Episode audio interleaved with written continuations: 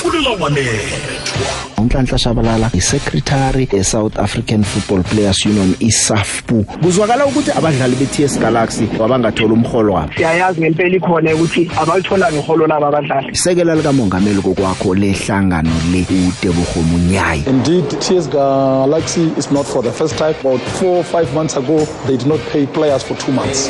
This is for the second time. simfonela uchairman akalibamba ucingo wena ama-calls akababuyisi usemoyeni yethu? Itsho ngithi uyindoda. Uyakhona ukukhuluma no-team um mara namhlanje nalezi uyakhona uziveza abantu abafana nabahlogwa picture sizikhuluma zonke siyahatsha esukompicture ngithi uyindoda kuhle kuhle lapha epalamende lapha kufuneka wena ube nguspeaker No, no, no. You're out of order. That's really stretching it now. Don't think about that, please. dlala dlala picture asidlali la ezemidlalo kufulela wanethwa landela ikwekwezi fm enkundleni sokuthindana ukubana ikwazi ikulandele nawe.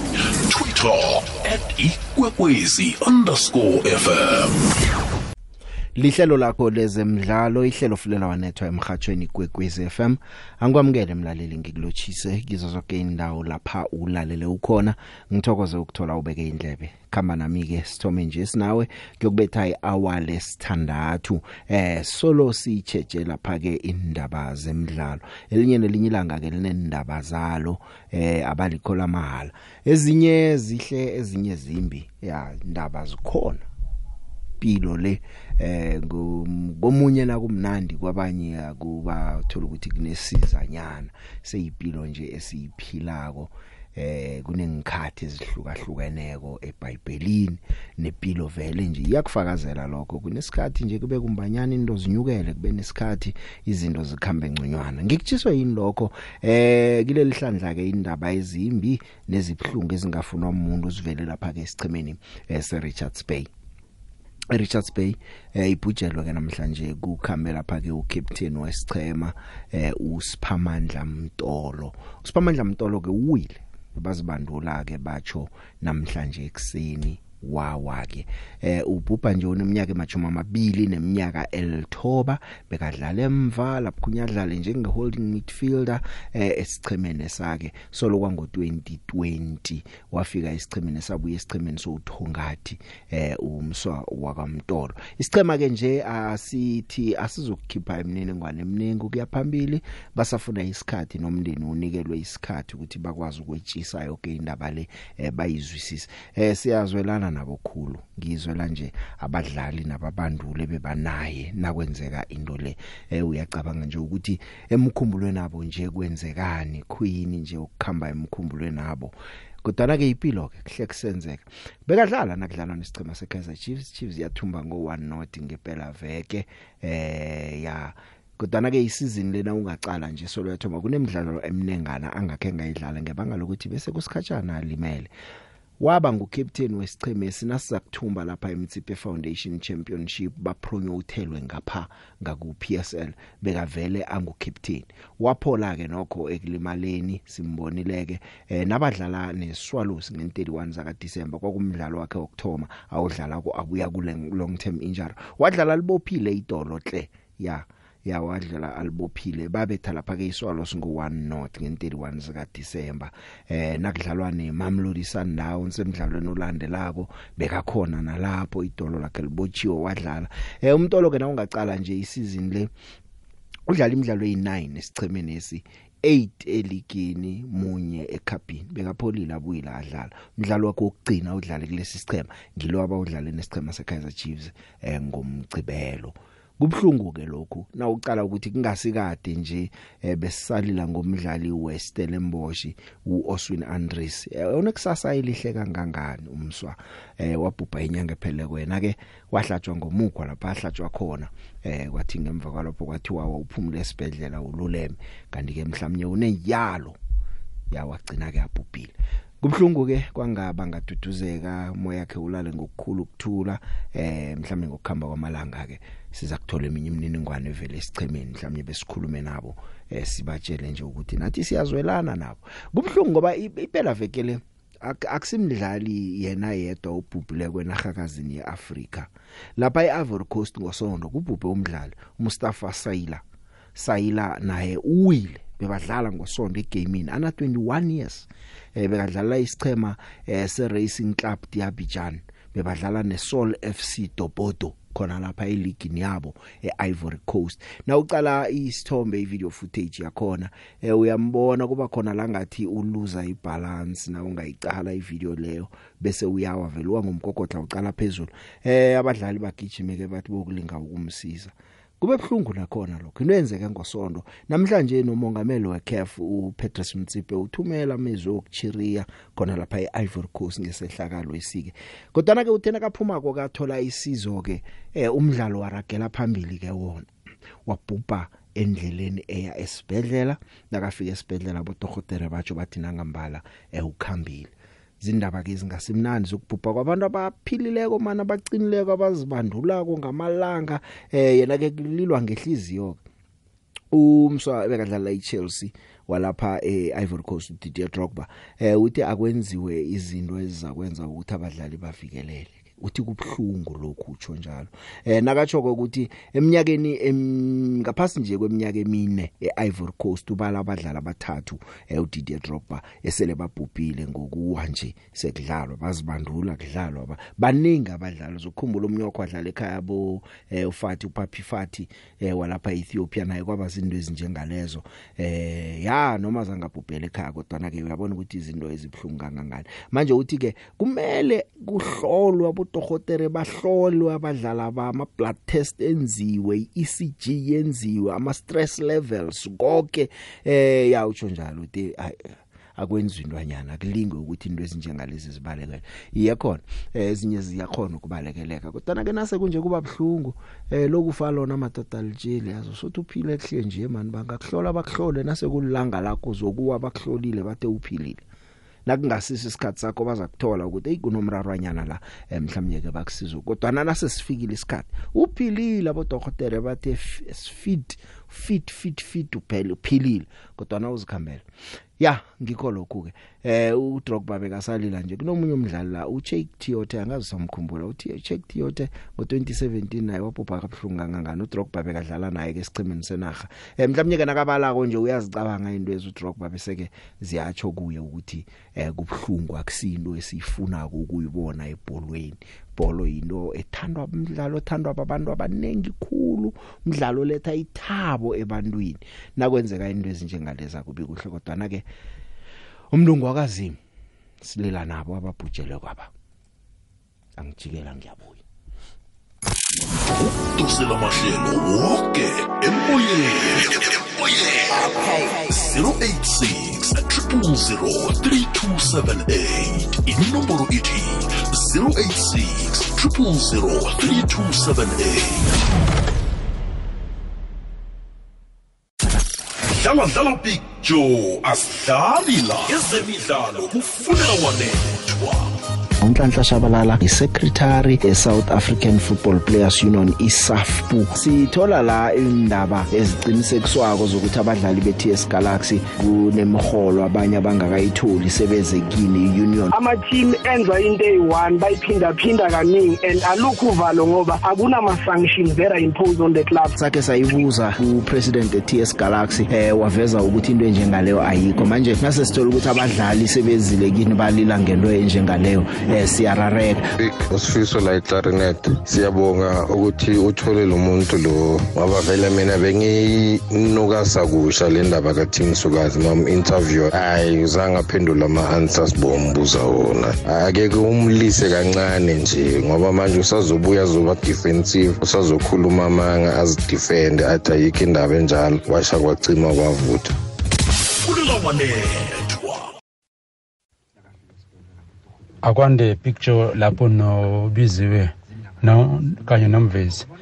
Eh picture indaba ezibuhlungu esizizwayo today yizo lezi zokushona kwabadlali egroundini njengoba usihlalusela zona kahle ukuthi kwenzakale ini nakuphi. Engathi iFIFA ingasiza especially when it comes to abo cardiac arrest abodoctor babe quick uku assista ama players because abadlali bethu bazophela picture yes i don't know ukuthi kwenzakalani but it's a serious thing and it's an ongoing thing engathi Pichu eish Big Joe ngiyayizwa indaba yakho yakasiphamandla Mtolo ukuthi usichile ephasini. Silimele sibalandeli bebholo nabadlali bonke bezemidlalo. Balimele Big Joe ngosiphamandla Mtolo i-captain ye-Richards Bay. Bengimbukele lesikhathi badlala ne-Kaizer Chiefs. Bekakhona adlala. Big Joe umoya wakhe ulale ngokuthula umoya wakhe awuphumule. Umndeni wakwamtolo abaduduzeke akwehlanga elingahlanga. Abakalahlekelwa bodwa nathi silahlekelwe Big Joe sibalandeli bezemidlalo. Ngiyathokoza Big Joe. Ngumgozolo eVaterfall Ekunjani Big Joe nobizo studio Big Joe sithi dude emndenini wakamtolo Big Joe lezi sizwayo izinto into ebhlungu kakhulu engajwayeleki Big Joe mara sizothini sithi ncancabe nakithi abalandeli silimale kakhulu Big Joe but kuzodlula. Ngiyathokoza. Ukhuluma nothabo mahlanga apha ngegreen. Sawubona Big Show. Big Show ukhuluma nogcobane la eChanini eRustenburg ikhosi elikhulu. Eish Big Show kubhlungu kwehlela isichema seRichards Bay Big Show. Kubhlungu kubhlungu Big Show kwehlela isichema seRichards Bay. Labantu bebetraina nayo umtolo Big Show baboneka kubi kakhulu. Baboneka kubi inhliziyo zabo zinawukhaleze zixole Big Show kubi. Injalo ke isizini ka PSL Big Show. Kunama kunesizini uthola ama player ayafa bulawa zimoto. Manje eish dinga umthandazo Big Show iligi yethu. Cause ilona bhola likhulu lapha kuthi le league le. Idinga umthandazo Big Show. Danke ukhuluma nogcobane Big Show la echanel Big Joe Big Joe Big Joe kuhle Big Joe ngibonga Rustenburg election center hey so ndimbonile lo mfo kumethe Kaizer Chiefs esiphamandla Mtolo. Eh ndothuke xa ndimbona pha ku YouTube eh xa kubhalwa Russell Peace uhlelekile. Sithi umoya yakhe omfo komtolo ulale ngoxolo. Akuhleli ngehlanga. Big Joe ya eh ngizo lezo ke ngiyathokoza ama voice kodwa nangizokubawa godu ukuthi umuntu nakagadangisa i voice note awuvale umhatsho sema seconds anyana lawo ukhuluma bakunalitho elizokuphunda. Emhathweni. Nase ucimile wagadangisa iphimbo lakho na uceda ko uvule. Ngoba kubhlungwana ukuthi silala kabhlungu silinga ukuzwa wena bese sizwa nokhunye ngemva eh ngezinye ke zezinto lezi ezenza ukuthi uthola amanye ama voice note ayeciwa. Umuntu athi mina solo ngiyathumela yama bayidlali kanti nasilinga uyilalela sizwe into eziningi eh ku background siyaraga ke nehlelo Ezinye indaba ke ngilezi zika Aiden Macram. Aiden Macram eh, sizwile ke izolo eh ke ngayithi kancane nje ngayibamba ngakutshela ukuthi bamkhethe nje ku captain omutsha eh we T20 International la sichemeni siyama Proteas eh bekunguthemba bavuma kaphambilini bamkhiphile ke uthemba bavuma bamsala pha ke emidlalweni ye test eh Eden Makram na umthandi nomlandeli we cricket na ungasuye ngiyakaba ukuthi uthome uyilandele nayo.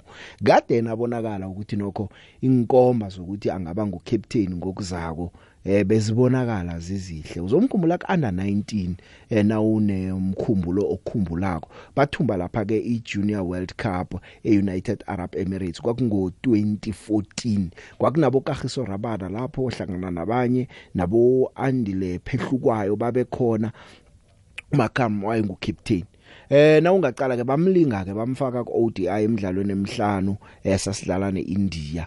Eh wakhethwa lapha ke ma convener wangaleso sikhathi ke wesicema sama Proteas kodwa ke eh kwaba nenkulumo ezithi nimhabile nimhabile nimhabile ukumfaka kwenu lapha kubuyisela umdlalo wakhe emva.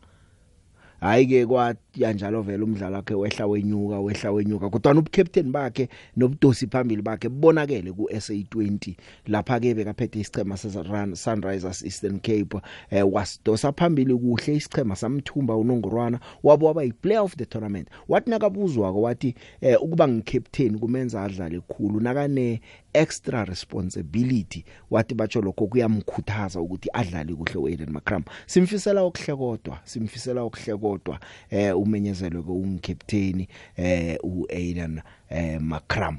Eh uThemba bavuma ke nakumenyezelwa isichema se-T20 akhenge abizwe esichemeni esike. Umbanduli uRob Walter wesichema lesi-T20 eh uyahlathulula ukuthi no kuba yini angakamfaki eh uThemba bavuma oneminyaka emajuma amathathu neminyaka emibili eh uyatsho ukuthi kuba yini. Kanti ke uhlathulula nokuthi eh uAiden Makram ona 20 8 years uthi ukungena kwakhe kubeni ngucaptain natural progression kusho ukuthi nje kuyinto nje eragela phambili wabonakala sesemncane vele nje kulindelekile bekulindelekile ukuthi ngelanga uza kudosa phambili isichema lesi eh sawo ama Proteas kutsho lapha ke umbanduli uRob Walter. Guys for Timber are uh, missing out. I think that's you know purely a T20 performance based decision. Um, and our job, my job now is to work with him to, to get him back into the side. So that will certainly be one of our focuses. Look, Aiden obviously has shown himself to be a leader over a period of time now. Obviously, his most recent success with the Sunrisers uh, stands out. Um, so it, it seemed like just a logical progression really into into the leadership of the national side. He has been there before, but um, I think he's matured a lot as a player and as a leader since then. So yeah, I mean, Aiden's certainly a leader in the group, has been for a long time. As I said, it seemed like a logical progression for him to take over the reins.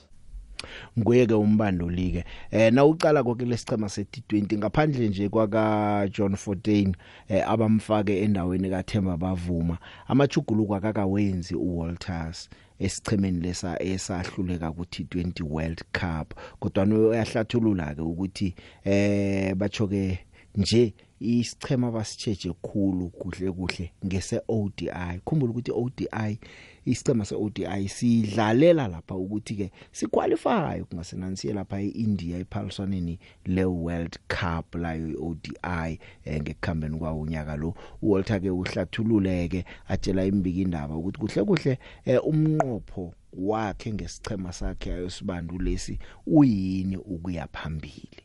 I think the main thing there is is uh, once we decided to give some new faces an opportunity in the 50 over format then you know giving guys time in the middle and competitive time in the middle in the lead up to those Dutch games became important. So for me, you know, the, the T20 build up will begin a little bit later, um, and the new faces will see will be seen a little bit further down the track. Uh, possibly the Australia series is, is where that might take place. But yeah, for now the, the, the ODIs our uh, specific attention. From an integration point of view, I mean, you've seen a, new, a few new faces in these squads, so that's ultimately part of the process to, to broaden the base of, of players that have got international experience.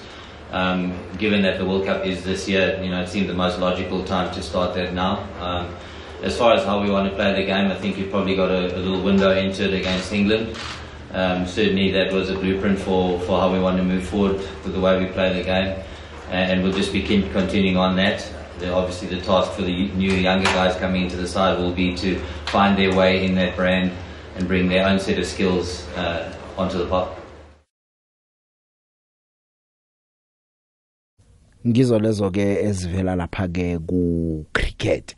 Eh ebholini ragwako ke msinyazana ngizokukhumbula kukhumbuza ke ukuthi Paulson le CAF under 20 Cup of Nations selifike ekugcineni. Inaga ezine iNigeria iGambia iSenegal iTunisia ngizo eziyosijamela eh zingchema lezi zokujamela iAfrica ePaulsonini le World Cup le under 20 ekukhambeni kwawo unyaka lo. Eh ngoba ngangijilo phambilini ukuthi ezine eziya kuma semifinals ngizwe eziya ku World Cup. Manje ngileze ngizibala ko ke Nigeria iSenegal iTunisia neGambia. Kodwa ke ephaliswaneni le CAF under 20 Cup of Nations sesifike ekugcineni kuyokudlala ama finals ngomgcibelo iNigeria ikhichiwe ibethwe iGambia ngo 1-0 izolo. Senegal ibethe iTunisia ngo 3-0 abomakhelwane iGambia neSenegal ngizwe eziyokudlala eh, ama finals waleli phaliswano. Sibone ukuthi ku under 20 inkutani zeAfrica eh, ngiziphi? Kanenye indaba ke indaba yesichema eh kokwakho ke umdlalo we Nedbank Cup eh phakathi kweDondol Stars nesichema samaZulu. Eh kunemchagalo yabafundi lapha eTVT okukatelele ukuthi umdlalo weDondol Stars eh namaZulu uchinge FNB Stadium. Angazi namjana mkhumbulo wami noma nawe na umuntu webhola ungayibona njengami. iDondol Stars ibethekile ngokuluza ihome ground yabo okuyi TUT layer TUT Stadium. Ibethekile. Na uthatha umdlalo usayi FNB sichema samazulu siyijayele FNB sihle sidlala kiyo. Idondolo kuyokuba ngiye basichema sekukhambeni. Eh itatawu le FNB livulekile abalazi ko bazakutshela eh ukuthi nani njayela amatatawu amancane kuba mrarwanyana lapha. Sembonwa wami nawe mhlambe nawe unowakho mhlambe wena uthi silong balingana ku11 versus 11 akunamraro ebholweni. Kodwa mina ngiyatsho nje ukuthi thana beziye eTUT Stadium iadvantage beyokuba kudondolo more than esichemeni samazulu. Kodwa nakabafundi ke benza inlo zabo ke bayachakala iPSL yathatha umdlalo lo yatha uchinge FNB ziyokudlala kusasa nge8 zika March ngo half past eh 7 kanti ke nangabe solithengile iticket lokuya eTUT Stadium bathi zanalo lelo ticket lelo eFNB uzokungena ngalo. Umdlalo okuzokuba mkhulu khulu esichemeni sedondolo barara abantu nababetha iSuperSport United. Nje akusana umuntu obalalisela amehlo eh abantu babacalile nabababiza ko babalonga bathi chabarfite bababiza njalo. Eh bathi chabarfite eh bafiki babethe iSuperSport United eh eyathumba iNedbank Cup amahlandla amahlanu. Bayibetha ngo2-1 nge2 ka February basichema esebujameni bokthoma kuABC Mutsipe League elogweni yeGauteng Stream. Eh bayathoma Thumi eh, ukudlala kuleli phaliswano. Njeka sazi ukuthi bazosarara godu nabadlala namaZulu namtjana njani na. Eh ngizakhe ngithi nangibuya lapha eumeni lendaba ke sichinge ngesichemeni samaZulu sizwe ukuthi bona bakhuluma bathini nabacala umdlalo wabo wakusasa nesicema sedondolo. Rawubona kumnyama khulu kuzokuvela umkhanyo. Ikwekwezi. Dlala dlala picture asidlali la. Ezemidlalo kufunela wanethwa njengenofredi wakwaMakulano bekanesichema ngiziphi intoro zazi kwezakhe zakwehlela nesichema sakho ebholweni eragwako eSouth Africa ku-first season bese-relegatiwe siyi-witbank stars so nami i was once approached by uh, one of the owners le-team base-lowfeld ukuthi noma ngibheka njengoba semsimeni so thina singakunikeza imali eso so that you can buy another team next season. Or singakutholela i-team esingakuthengela yona ukuthi wena uchubeke next season and then in return thina wena we want you ukuthi unga-attendi lama-games obviously uma nga-attendi ama-games wonke lama-team from number two until number eight sebadlalile nami kayi-two bana-six points. Bona they only played me once of which they won. So obviously they know ukuthi kula amanye ama-team ayi-eight bayothatha six points kimi bayothatha three bona bayoba ngaphezulu laba abanye behle baye kuma-playoffs. So i-corruption ekhona big sure that's fact ku-ABC Mutsipe League that's correct funela wanethwa Locha Big Joe nangunsimbi Masilela ekhaya lisha vashelo ngaphasi kwepower line. Big Joe yazi indaba yokukhamba kwabadlali ekundleni ibhlungu khulu Big Joe ibangela netrauma leyo nto leyo. Kuba budisi ebadlalini ukuthi mhlambe baqhubeke ngokudlala umdlalo namkha baqhubeke ngepractice. Manje ke angazi ukuthi i-PSL ngakhona ukuthi ibe nemishini ukuthi nabangena ngegroundini bese batheste nje ukuthi ihliziyo i-right ibethela phezulu right na. Then eh, emdlalweni nge-change nemishini leyo bayiberegise ba-check abadlali. Nelanga leli lichisa kakhulu big joe namanzi akekho emzimbeni. Ngiyathokoza big joe. Hey big joe big joe. Ngiyanibingelela nonke kwekwez FM ngithi happy birthday big joe. Ukhule u- uye phambili kakhulu nangemcondo nangokusakazela zemidlalo. Eh ngiyazwelana nalo mndeni we-Richards Bay nefamily yaleni mfo le player le Richards Bay. Ngathi uNkulunkulu angabonelela bese ke bakhone ukwenza ama preparation emalungiselelo emngcwabo Picture angithanze ukuthi uNkulunkulu akwanzisele mani indoda emadoda. Ngingimagagula ya Drone Copy Skrillex indoda amaqiniso ungagcini lana ukhone nokubona njengoba kuseza ukuthi lokhu kuzoba kubi. Lokhu imiyalo yakho iyakhuthaza i-advance yakho iyabone iyabonelela yene iba nemhlahlandlela. Pictures uNkulunkulu asigcinele wena nanyalo nasemaphakadeni.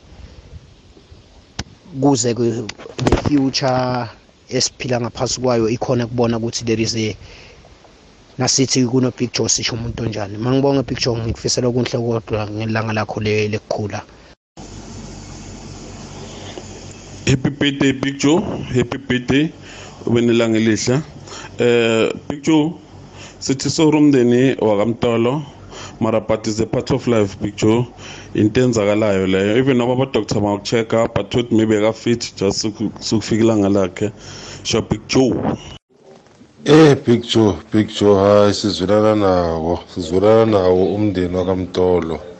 Hayi khona hayi khona. Kubuhlungu picture ukuluza ama-player amancane la emzansi. If kungasiko ugula imoto if kungasiyimoto bamgwazi etshwaleni picture yo hayi kubuhlungu nje.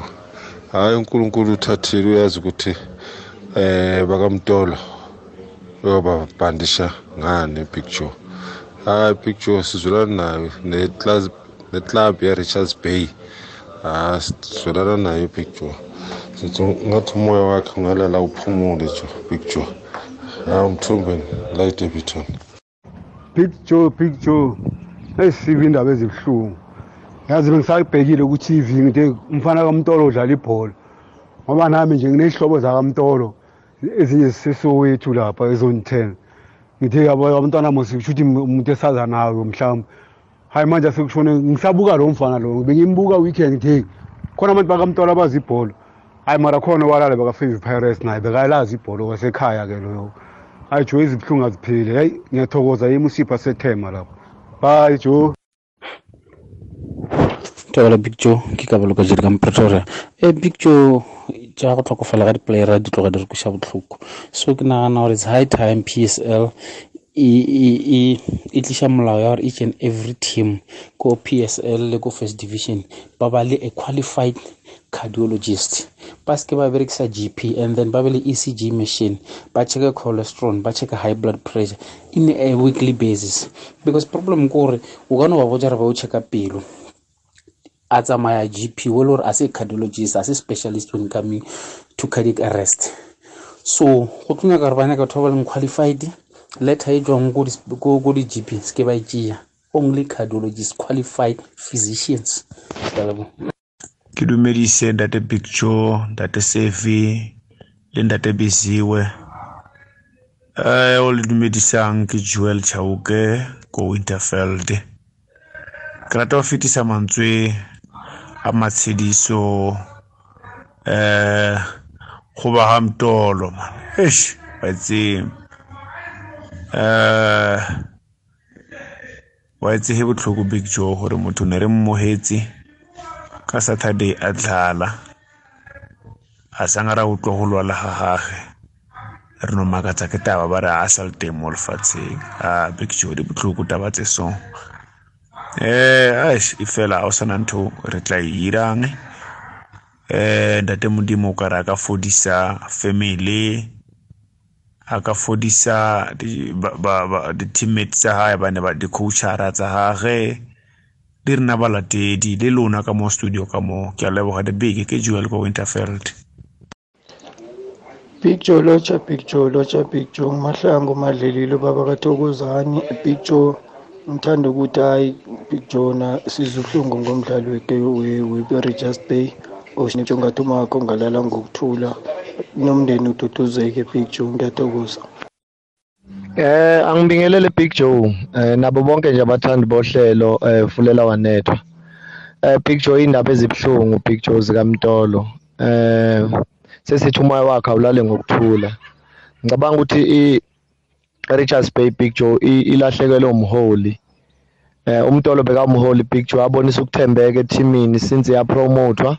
since bewucaptain bekumuntu oziphethe kahle Big Joe besingakaze sizwe lutho sesithi nje dudu emndenini nakuba bonke nje ama supporters nabalandeli bezemidlalo neRichards Bay uqobo lwami eh Big Joe ngicabanga ukuthi iFIFA kumele ibe khona izinto ezenzayo. Noma kungekho lula cause umdlali isuke aye training angabonisa ukujima okanye egemini angabonisa ukugula. Lokho nje Big Joe kuba isimo uNkulunkulu yena owaziyo Big Joe ukuthi umdlali uyodlula kanjani. Eh ziningi ezemidlalo Big Joe na boxing izinto ezinjengalezi ziyenzeka. So isuke sekuyisikhathi Big Joe ngokubona kwami because angiboni iFIFA kunokuthile thizeni engakwenza ukuthi ivimbe yonke lento eyenzakalayo especially kuma sport and Big Joe ngithi nje umndeni wakhe awulale ngokuthula Big Joe. Kuthemba bavuma Big Joe ulahlekelwe ifomu uyayibamba ayidedele ayibamba ayidedele but ngiyamthemba umdlalo oqinileyo ukuthi ngokuhamba kwesikhathi Big Joe uzobuya phinda adlale kahle kuma Proteas danke the big usdoli akwande Big Joe. Ngicela ngikuthi happy birthday Big Joe. Big Joe ngithi isichema sama Proteas se-T20 sikhethwe kuhle khulu. Benza kuhle bamishiya uThemba Bavo uThemba Bavo uma ifomu yakhe yehlile. Nguvilila ngetevon extension 3 kukhanya ba? Mkhulu Joe hayi ngilana umndeni wakwamtolo esho ulahlekela ukwalahlekelwa wodwa nathi silahlekelwe sibalandeli bezemidlalo. Lahlekele emidlalo omuhle khulu.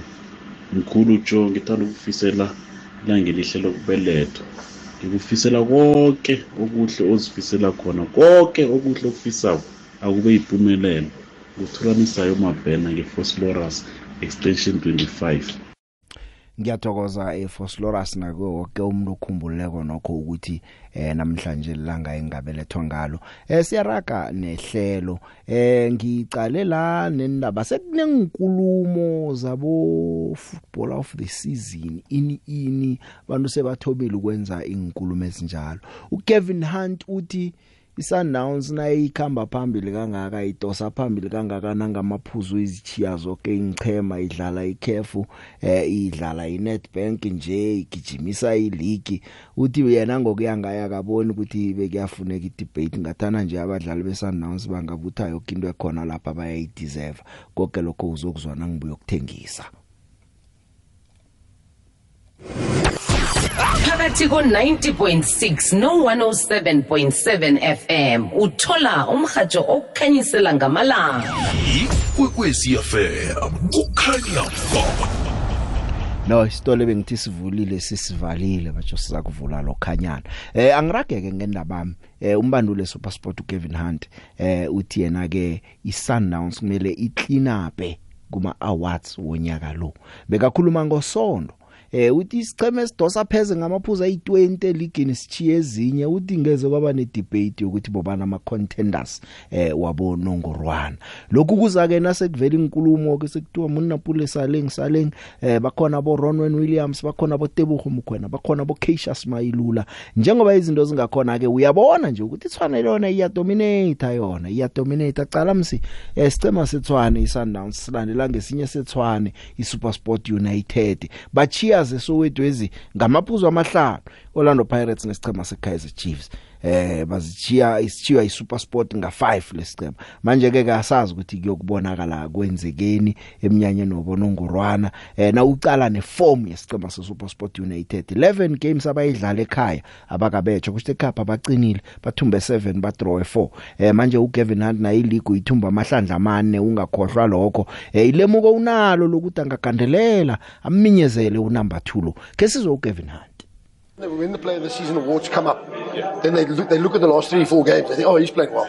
You're going to look at the game one, you know, and look at his uh, what he's done, what he hasn't done, what the what is the player of the year. Those, I mean, those stuff. For me, those type of things, you'll be shocked what I would say and what the, the majority of the people will say, because there's only, gonna, you know, yeah. And the good thing is that it's you coaches who decide. Is it? Play of the season, yes. Well, I mean, you can't go far wrong because the team that's winning the, won the league by 20 points. I mean, they, there should be somebody there. We've got our player who's playing very well, or players. Other team, another team, another team. So let's keep. We still got eight games. Long way. What can happen? But, what can happen? But the team where they winning the league by more than 20 points, uh, what you say is that serious contenders must come there. Everything must come from there. Just like that picture. I would think so. we what happened with us when we won the league three times, it never came from here. That was that was my debate. mm, let's not go there. Let's, let's not, yeah, all of a sudden there's an African football of the year, South African football of the year. Let's not go there. I, I think at home, you know, it's, it's sometimes it's, it's, it's a decision or two in your selection, how you want to and how you want to play the game. I think it's important if you look at, you know, um, but you can get caught, you know, on you know the turnovers on the ball. But uh, we take chances a little bit. But I always say let's create more chances, and you know, I came from that culture where you got to create chances um, and not trying to be, you know, the other way around. The, the game has changed.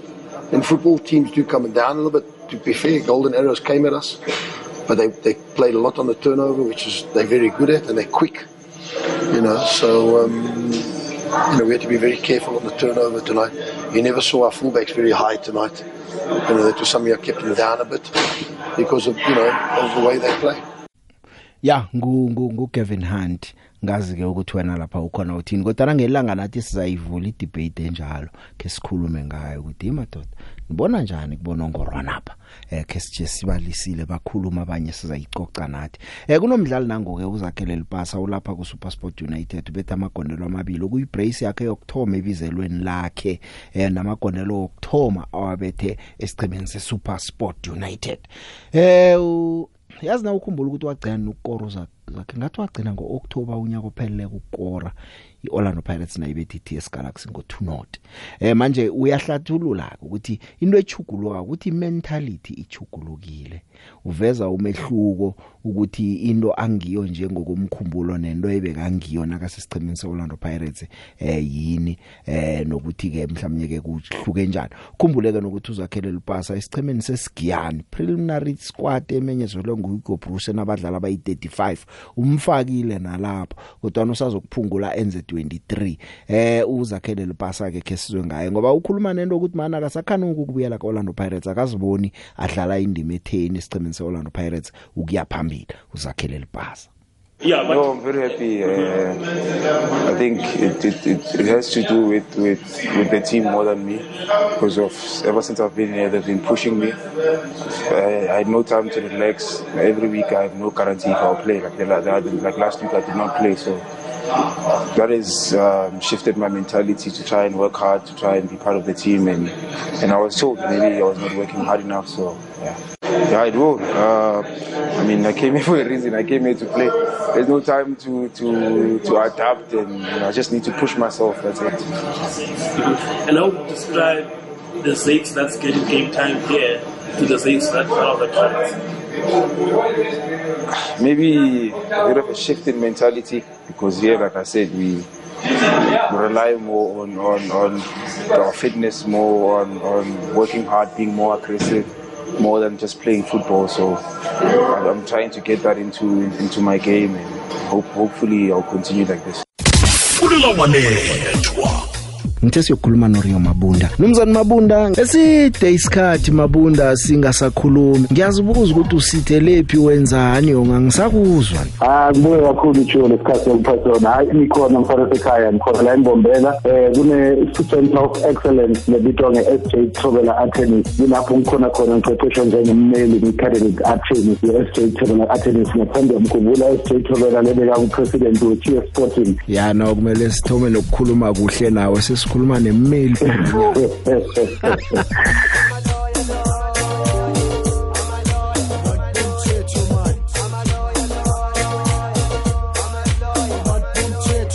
igadango elihle usukela kuhatsheni uyokuba lemeli nathi usipithemba lokuthi ngelanga sakuphuma siyokuba bameli yo. Kumfundisi tsho na ungabe uyifuna uzayithola kulokubalulekile ukuthi nihlale emabhukwini nifunde ngoba kunike nathi ukuthi likusasa leniphathele ngomsakatweni into ukuthi yanzinjanzinja siyoshintsha iline-up ngo-april ingatikhanzi ungasekho lapho funde naplesini ngasekesikhathi ukhuluma iqiniso elibuhlungu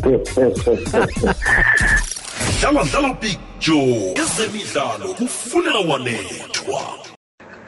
Akwande akwande big joe lokhwez FM ya nami ngikhambisana nogevin hunt ya isupermarket yononyaka nje isupermarket yemamelodi sundowns ngiyo ifuna ukuthi ithenge konke ibuthe konke abonongorwana labo. Imamelodi sundowns masiyitsheja isebenza kuhle khulu kwamambala. Bona ukuthi ihlezi kubi ihlezi kude ngale. Akuna omunye umuntu angasondela duze. Uyawabona na- labanye laba eh ba- ba- banabaphuzu ayi-34 34 eh supersport phezulu nyana. Mara mamelodi sundowns ikude khulu. So isupermarket leyi yabonongorwana ye ayive mamelodi sundowns abadlali bamamelodi sundowns vele bayasebenza kuhle kwamambala. Kunganikezwa abanye abadlali mhlawumbe abomuna saleng into leyi ayi- u- izoba ingasifair ma sichange imamelodi sundowns abadlali bakhona uyabona eh bo-williams bo-mayilula nabanye zingakhona ukwabala bonke ngathanda ma banikelwa isitolo lesi sibe somamelodi sundowns abanongorwana ngiyathokoza khulu ngumoya wasezimbabwe ngithi akwande seve engisakhumbula ingoma leya sani wayiqula ngeminyaka hey hey hey onyinye oyinye Hi, Big Joe. Happy birthday to you, my brother. Eh, o bolela Linda Wal Pirates ka Thabalboto. Ya ke re eh go ba ga motolo. Matshidisho ke ao. O boletse mantswe a mang Big Joe wa re eh bophele ke bja modimo. Eh ke nnete Big Joe go jwalo eh bophele ke bja modimo. Re ka ba le mono ka tsela tsa rena gore di-doctor di check go dirweng go dirweng pate ge letšatši la gago le fihlile picture le fihlile ya so ke re ba ka motolo ba kgomotšego a moya wa motolo o robale ka khutšo picture ke a leboga Hey Picture ngibulise emsakazweni omkhulu ikwekwezi FM. Hey Picture ezibhlungu lezi sizwayo zikaSiphamandla Mtolo weRichards Bay. Hey. Sesiphila komnye umhlaba Picture. Kodwa ke ngifuna ukuthi nje dudu emndenini wonke nakubalandeli. Abalandeli bebhola nje bebonke South Africa. Ngithi dudu akuhlanga lungehlanga.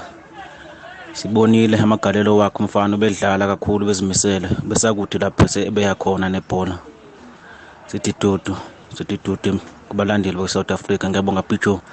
Usiphamandla lo wakathanibe emzimkhulu kwagutshwa endlini esigodi ngiyabonga tapini ahake asirageke mlaleli eh ku Champions League. Champions League ke eh esengiyiphethe nje. Namhlanje umdlalo ukhona ku UEFA Champions League eh i second leg ye round 16 namhlanje eh kubudisana kubudisana kubudisana.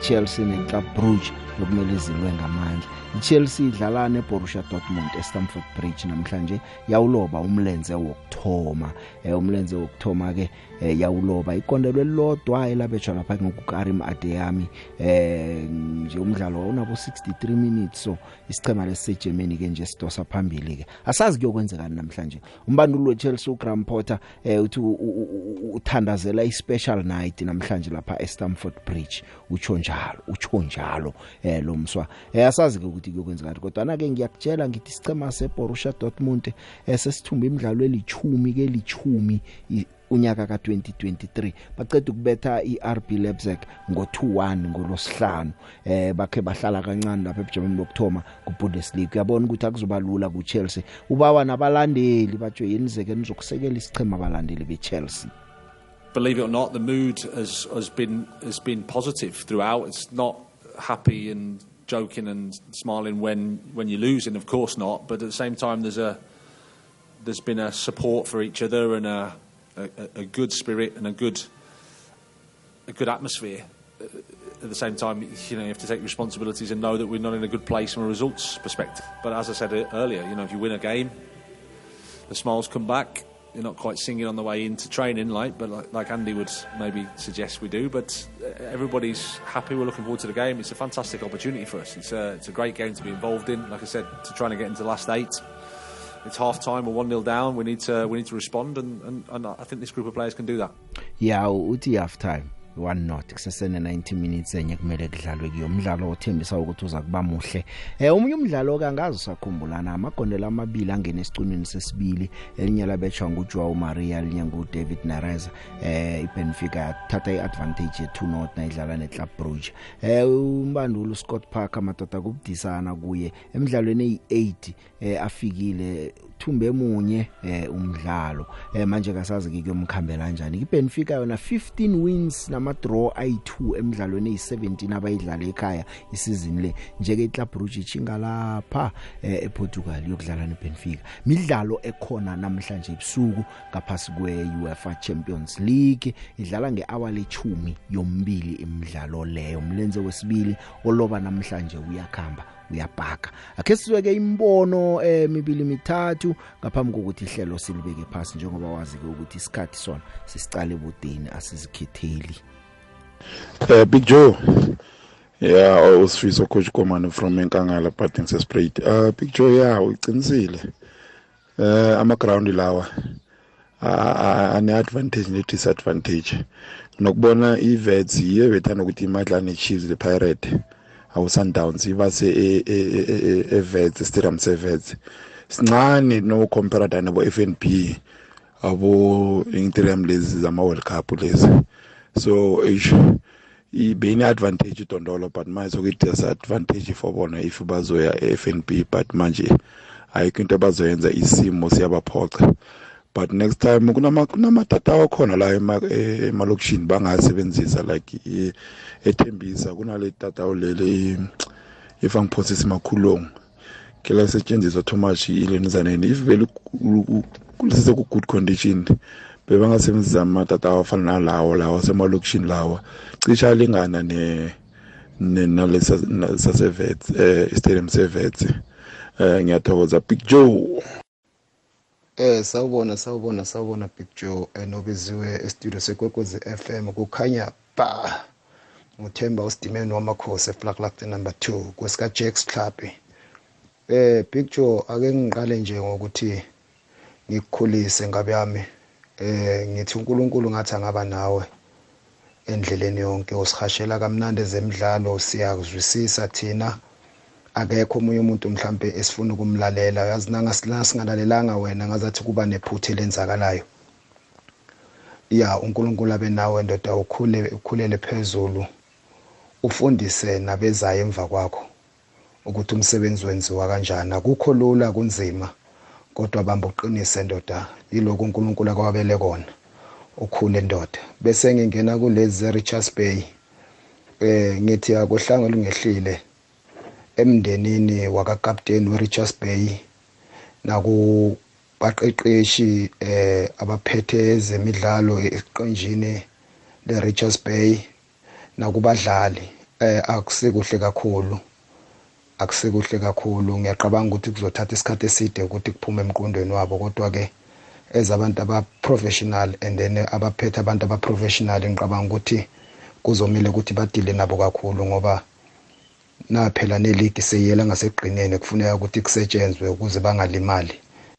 Eh akudumedishe eh Big Joe le ba kwekwezi FM le nna ke re ka bandisha matshediso wa ga mtolo ya bolelang ke innocent gomotso wa tsakane o tswa prakpana ga ke tswa ke le jenfes marulaneng tanku ya picture eh ngongaziwayo eh apha eCosmos City apha ngase Diepsloot eh picture eh njengoba betshilo nomnye umlaleli eh umkhulu kakhulu umsebenzi owenzayo. Picture eh ozifisela kona nje eh ngathi ungakuthola ngalo eh lelanga lakho leli. Siyakufisela siyakubongisa ngokukhula. Picture umsebenzi owenzayo uvama ukwenziwa kulama radio silungu eh la kuma radio wethu wesintu eh oma cricket oma rugby athletics izinto ezinjalo. Abakazama ukuthi bakhulule abantwana babafundise ukuthi eh ungenza icareer eh i-transformation nomsebenzi enibona ukuthi ubambe eh ngezandla zombili eBig Joe. So eh ndinova abantu betestify here and again ukuthi like eh since ndaqala ulalela Big Joe kune kunenhlansi endiyibonayo kunento endiyaziyo. So mkhulu kakhulu umsebenzi wakho Big Joe. Eh Joe njengoba ndandishilo uthemba kwi red ball uright kodwa kwi white ball ba right bamkhuphe. Eden kudala samlinda eh got banned very eh, badly umfana. Kodwa ke eh, the best leaders is broken people eh, so siyambongisa naye. Eh Big Joe eh, ihistory yakhe soyishilo anoba sayisho ke nami. Happy birthday Big Joe. Happy birthday Big Joe. Happy birthday ukhulele phezulu okomuthi. Big Joe impande zakho zande. Kukhanya ba Mama Jonathan. Big Joe kunjani? Nangu uvusa udelmas hawa ikwekwezi madoda hayi khona uqeda ungena nje nothi nawuqeda ungena nje. Ngikhomelisi ngiza i-standard zone khona yavele yadududu 94.5 yavele yathula yadudu jo angizwa lutho namanje. Big Joe uyawubingelelana namhlanje ntambama bhuti wami. Yithi mina happy birthday bhuti wami. Yithi mina ngiwufakile uFacebook nawo uWhatsApp status sami noMarath Mango naye ngamfaka bhuti wami khathi uyi-birthday yakhe ithi happy birthday bhuti wami and lama le nyanga eyiphelile bengikhumbula ukuthi hawu uya birthday amatha maduzane kodwa i-date yakho i-birthday bengiyikhohliwe kodwa manga ngisayikhohlwa bhuti happy birthday bhuti yabonga ukhuluma no-one malingcebalehle yabonga Ngiya- ngiyathokoza nami konke umuntu ongifisele ilanga elihle lokubelethwa. Eh nani nginifisela kokeni ngifisela khona? Sibusiso yeje Jo kunjani? ngikhona. Ubongani mali ingabekazi ukuthi kuyabhede inyanga le wena bowazi? Yazi wayivala kahle. Kunomunye umhathi athi ngifuna ukuyivala kahle. Yazi wayivala kahle Jo ngobongani malinga bengazi ukuthi uyabhethya khulele phezulu Jo. Ngiyathokoza hatsha sibusise itiye? Ya no siza kukhuluma ngecadi sinawe yazi. Wo sizakhuluma ngecadi Sure. mina bengithi uza ngimema namhlanje ke kodwana ke akusathwenye sengizakulinda. Nanoma ungakammemi umlaleli ngizomtshela ukuthi awukangimemi. Khamba kuhle Jo Sure. siyathokoza.